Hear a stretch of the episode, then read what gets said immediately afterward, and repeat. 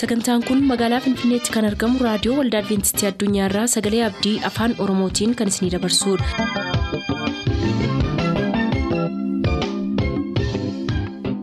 harka fuuni akkam jirtu kabajamtoota dhaggeeffattoota sagalee abdii nagaan waaqayyo abbaa bakka jirtan hundumaatti hunduma keessaniif haa ta'u jechaa sagantaa harraaf qabannee isiniif dhiyaanne mata duree ifa dhugaa jedhudhaa qabannee dhiyaanne irraatii ittiin eebbifama.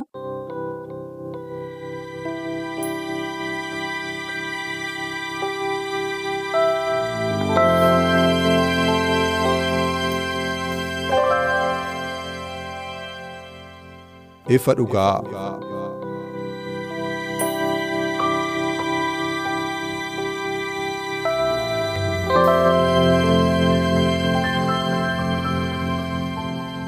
ifa dhugaa.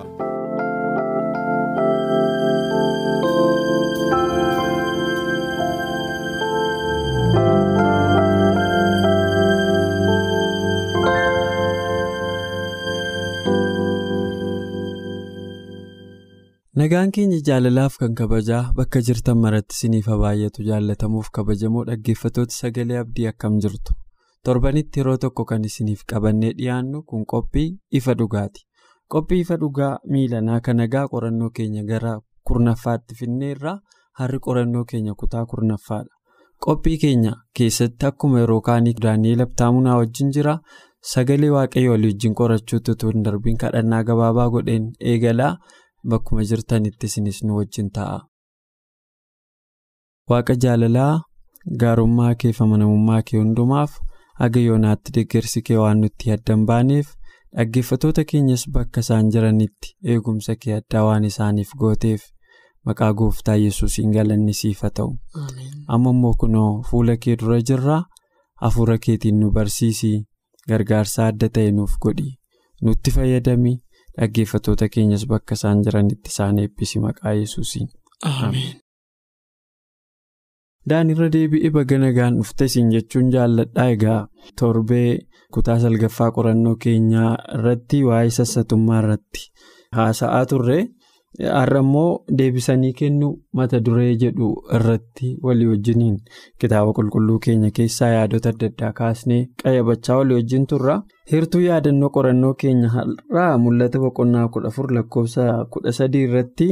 Ani amma immoo sagalee waaqa keessaa warri gooftaatti qabamanii utuu jiranii du'an. Ammaa jalqabanii warra gammadaniidha. Kana caafinaan jedhu nan dhaga'e hafuurri qulqulluunis eeyyee dadhabbii isaaniitti aara haa galfatanii iji hojii isaanii immoo isaan duukaan bu'aa in jedha ka jedhuun. Dhaga'ee dheetu Yohaannis abbaa mul'ataa kana caafaa jechuudha. Waa'ee fuula duraa haasa'a. Wanti kun waa'ee fuula duraa haasa'a. Namni dadhabbii isaatti aara galfachuuf yeroon in darba. Ariitiidhaan adeema. Yeroo ariitiidhaan deemu kana keessa immoo kakaleessa daa'ima ture bor nama ga'aa ta'aa dhufa. Nama ga'aa ta'e gara abbaa maatii abbaa maatii irraa gara dullumaatti ce'aa dhufa. Sadarkaa jireenyaa kana keessa yeroo darbaa deemnu. Yeroo nuyi hojjennee argachuu dandeenyu jira. Yeroo nuyi hojjennee argachuu dadhabnu immoo jira. Yeroo nuyi hojjennee argachuu dadhabnu suni yeroo nuyi yaaddessaa deeman ta'a baay'eensaa. Kanaaf jecha namoonni baay'een warri kaan yeroo dulluma isaanii keessa kennu warri kaan immoo yeroo dulluma isaanii keessa sassatummaan itti guddachaa deemu. Mee yaaduma kanaa wajjin wal qabsiisiitii jalqabbii qorannoo keenya kanaa waa'ee deebisanii kennuuf heertuu kana. yaaduma kanaan ol qabsiiftee waan irratti dubbattu carraansii kenna. Tole Yohaannis waa'ee kana gaafa haasa'u mata duree kana wajjin waa walitti dhufuun fakkaatu garuu mata duree kana wajjin waliin qabata. Akka wal qabatu waan waan gara fuulduraa iji hojii isaanii isaan duukaa bu'a. Fakkeenyaaf addunyaa kanarra gaafa jiraattu ati hojjetaa dhaabbata kanaa yookiis hojjetaa dhaabbata tokko yoo taate yookiis hojjetaa mootummaa yoo taate yeroo sooroma keetii yeroo dadhabdu wanna ati nyaattu. Jechuun wanta ati soorattu ittiin jiraattu walitti siif qabame gara dhumaatti sii kennama. Kanaaf Yohaannis maal jedhaa warra gooftaatti qabamanii jiraatanii iji hojii isaanii isaan duukaan bu'aadha. Wanta tarra addunyaa kanarratti yookiis addunyaa biyya lafaa kanarratti yeroo lubbuun jirtuuf jireenya duugaranaa kana keessatti jiraattu hundumaa baankii samii keessatti yookiis mana samii keessatti walitti qabame iji hojii keetii akkasii eeguudha. kan kitaabni qulqulluun dubbatu jechuudha. Yohaannis kana waan argee natti fakkaata. Kanaaf maal jedhaa namoonni baay'ee waan jireenya isaanii gara fuulduraatiif yeroo gara sooromaatti siqan ni yaadda'u. Yeroo dullooman maal akka sooratan keessattuu immoo yaaddonni guddaan immoo dafanii du'u. Utummaatii yookiis ijoolleen isaanii hojii hin qabatin otuu wanta tokko tokko mana hin ijaarin waan tokko tokkotu hin godhanii dafanii karaarraa jechuun yookiis du'aan boqochuun baay'ee namoota baay'ee yaaddessaadha. Garuu immoo kitaaba qulqulluu keessaa namoonni baay'een umurii isaanii gara dullumaa keessatti hojii baay'ee akka isaan hojjetan Yohaannis abbaan mul'ataa kun erga umurii hin jaaree. Kan inni wanta gurguddaa kitaaba qulqulluu keessaa kitaaba mul'ataa kan inni barreesse seenaadhaaf namoota seenaa gurguddaatti seenaa baay'ee barbaachisaa kanaa dhaloota baraaraatiif kan inni kaa'iyyuu maallaa erga gara dullumaatti siqeeti. Namoonni baay'een gara dullumaatti yommuu siqan hojiilee gurguddaa hojjechuutiin beekamu. Kanumti akka Daani'eel faallee umurii waggaa torbaatamoota keessaa erga seenaniiti mul'ata jajjabaa kana arganii dhalootaaf kan isaan gumaachan. Gabaabaamatti maal jechuu barbaadeen inni jalqabaa. Maal jedha kitaabni qulqulluun jalqabni ogummaa waaqayyoon sodaachuudha. Wanti guddaan ogummaatiin waaqayyootti jiraachuudha. Ogummaa qabaachuudha. Ogummaa immoo eenyutu namaaf kenna? Waaqayyootu namaaf kenna. Solomoonii fakkeenya yoo fudhatte yeroo ijoollummaa isaa keessa maal kadhatee qabeenyaan kan inni baay'ee maal kadhatee ogummaa kadhatee ogummaa naa kenneere waaqayyo immoo ogummaa kenneef. Ammoo waaqayyo yoo ogummaa hin qabaanne akka itti qabeenya hooggantu hin beektu.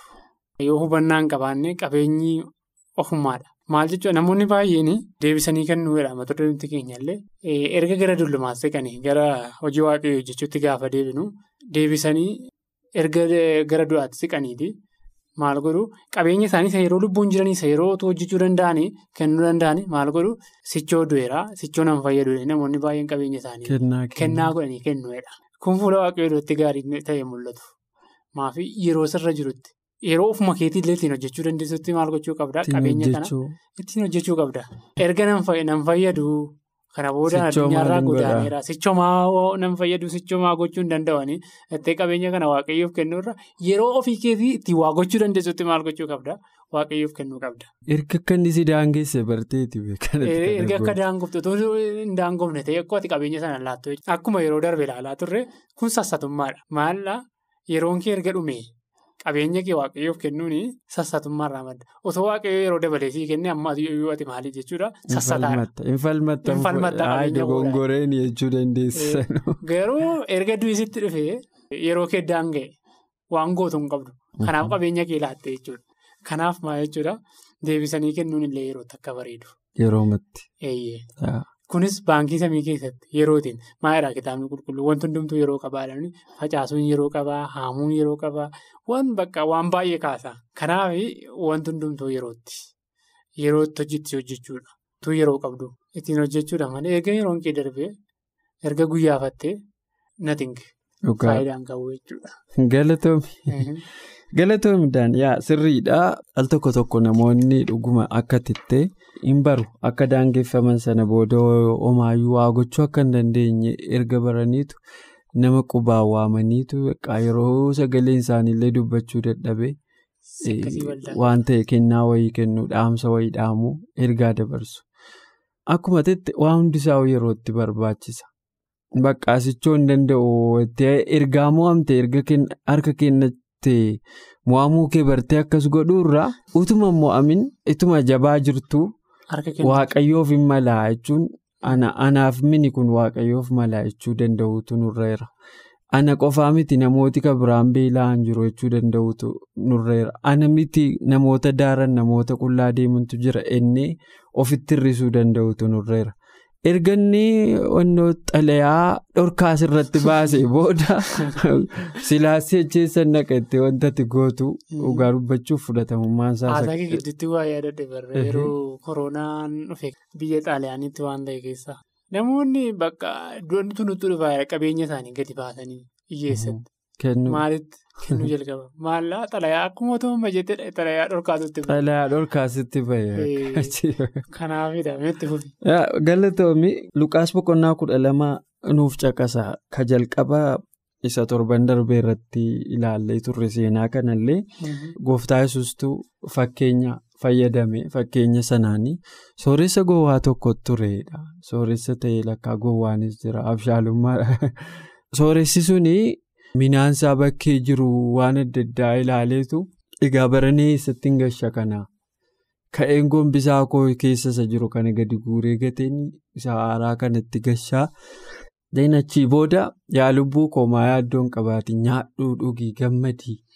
Basha'ii yaaddoon qabdu ittiin jedhe ofiisaatiin akkas jedhaadha. Wannoodha imaajineeshiniidha malee sooressisuun lafarran turre garuu fakkeenyaan itti maara. Namoota akkasii addunyaarra baay'eedha waan ta'eef. Har'a wanuu nama hin beeku baay'ee jira. Namootuma sadarkaa keenyatti riyaa keenya yeroo umurii wal fakkaataa keessa jirru ka afaan isaanii jijjiirame baay'een beeka jechuun akki nuyi duriitti wal kominikeetii goonuu fi waanuma jechuun jiramni namootuma hin beekne kan ta'antu jira. Waaqayyo jira jedhanii dubbachuufaa.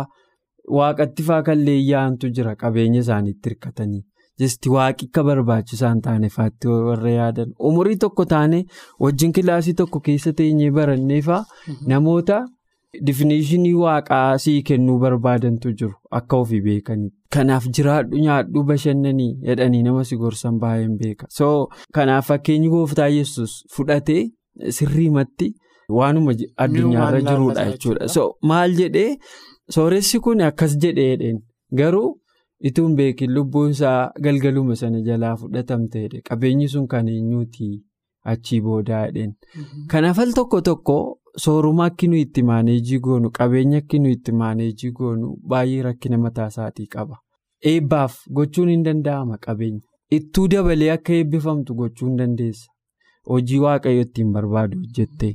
Beela isa beela ittiin soortee isa daara ittiin uffistee isa rakkoo adda addaa keessa isa dhukkubsate ittiin wal'aansistee kanaaf nutti kenna baay'ee eegduudhaadha. Kitaabni qulqulluun isin eegduu qabeenya waaqayyootiidha so yeroo tokko tokko garuu abbius seeraa alatti fayyadamna. Qabeenya eegumsaaf nutti kenname kan kootettee bittinneessite akkuma barbaadde goota maaltu dhufaa jettaan? Wanti dhufu baay'eedha. Anyway sooressa kanatti akkuma tasaa lubbuun isaa darbiteedha. Kanaaf wanti inni gombisaa koo diigeen akkas godha akkas godha akkas godhachii booda bashannaneen ciisee nyaadhee dhuga jedhe suni hin milkoofne. Namoonni baay'een akkuma kana. Maagata isa gombisaa isaa keessa jirus namni barbaadu baay'ee jira. Baay'ee jira. Eessatti hin gashee maaciin qama kan dhufee fudhatu baay'ee jira. Utuuti kottuu fudhuu aankoo gahaadha jettee ollaa kee nama meeqa jira be. Eessatti gashuu qabeenya baranaa jedhee yaada taa'e.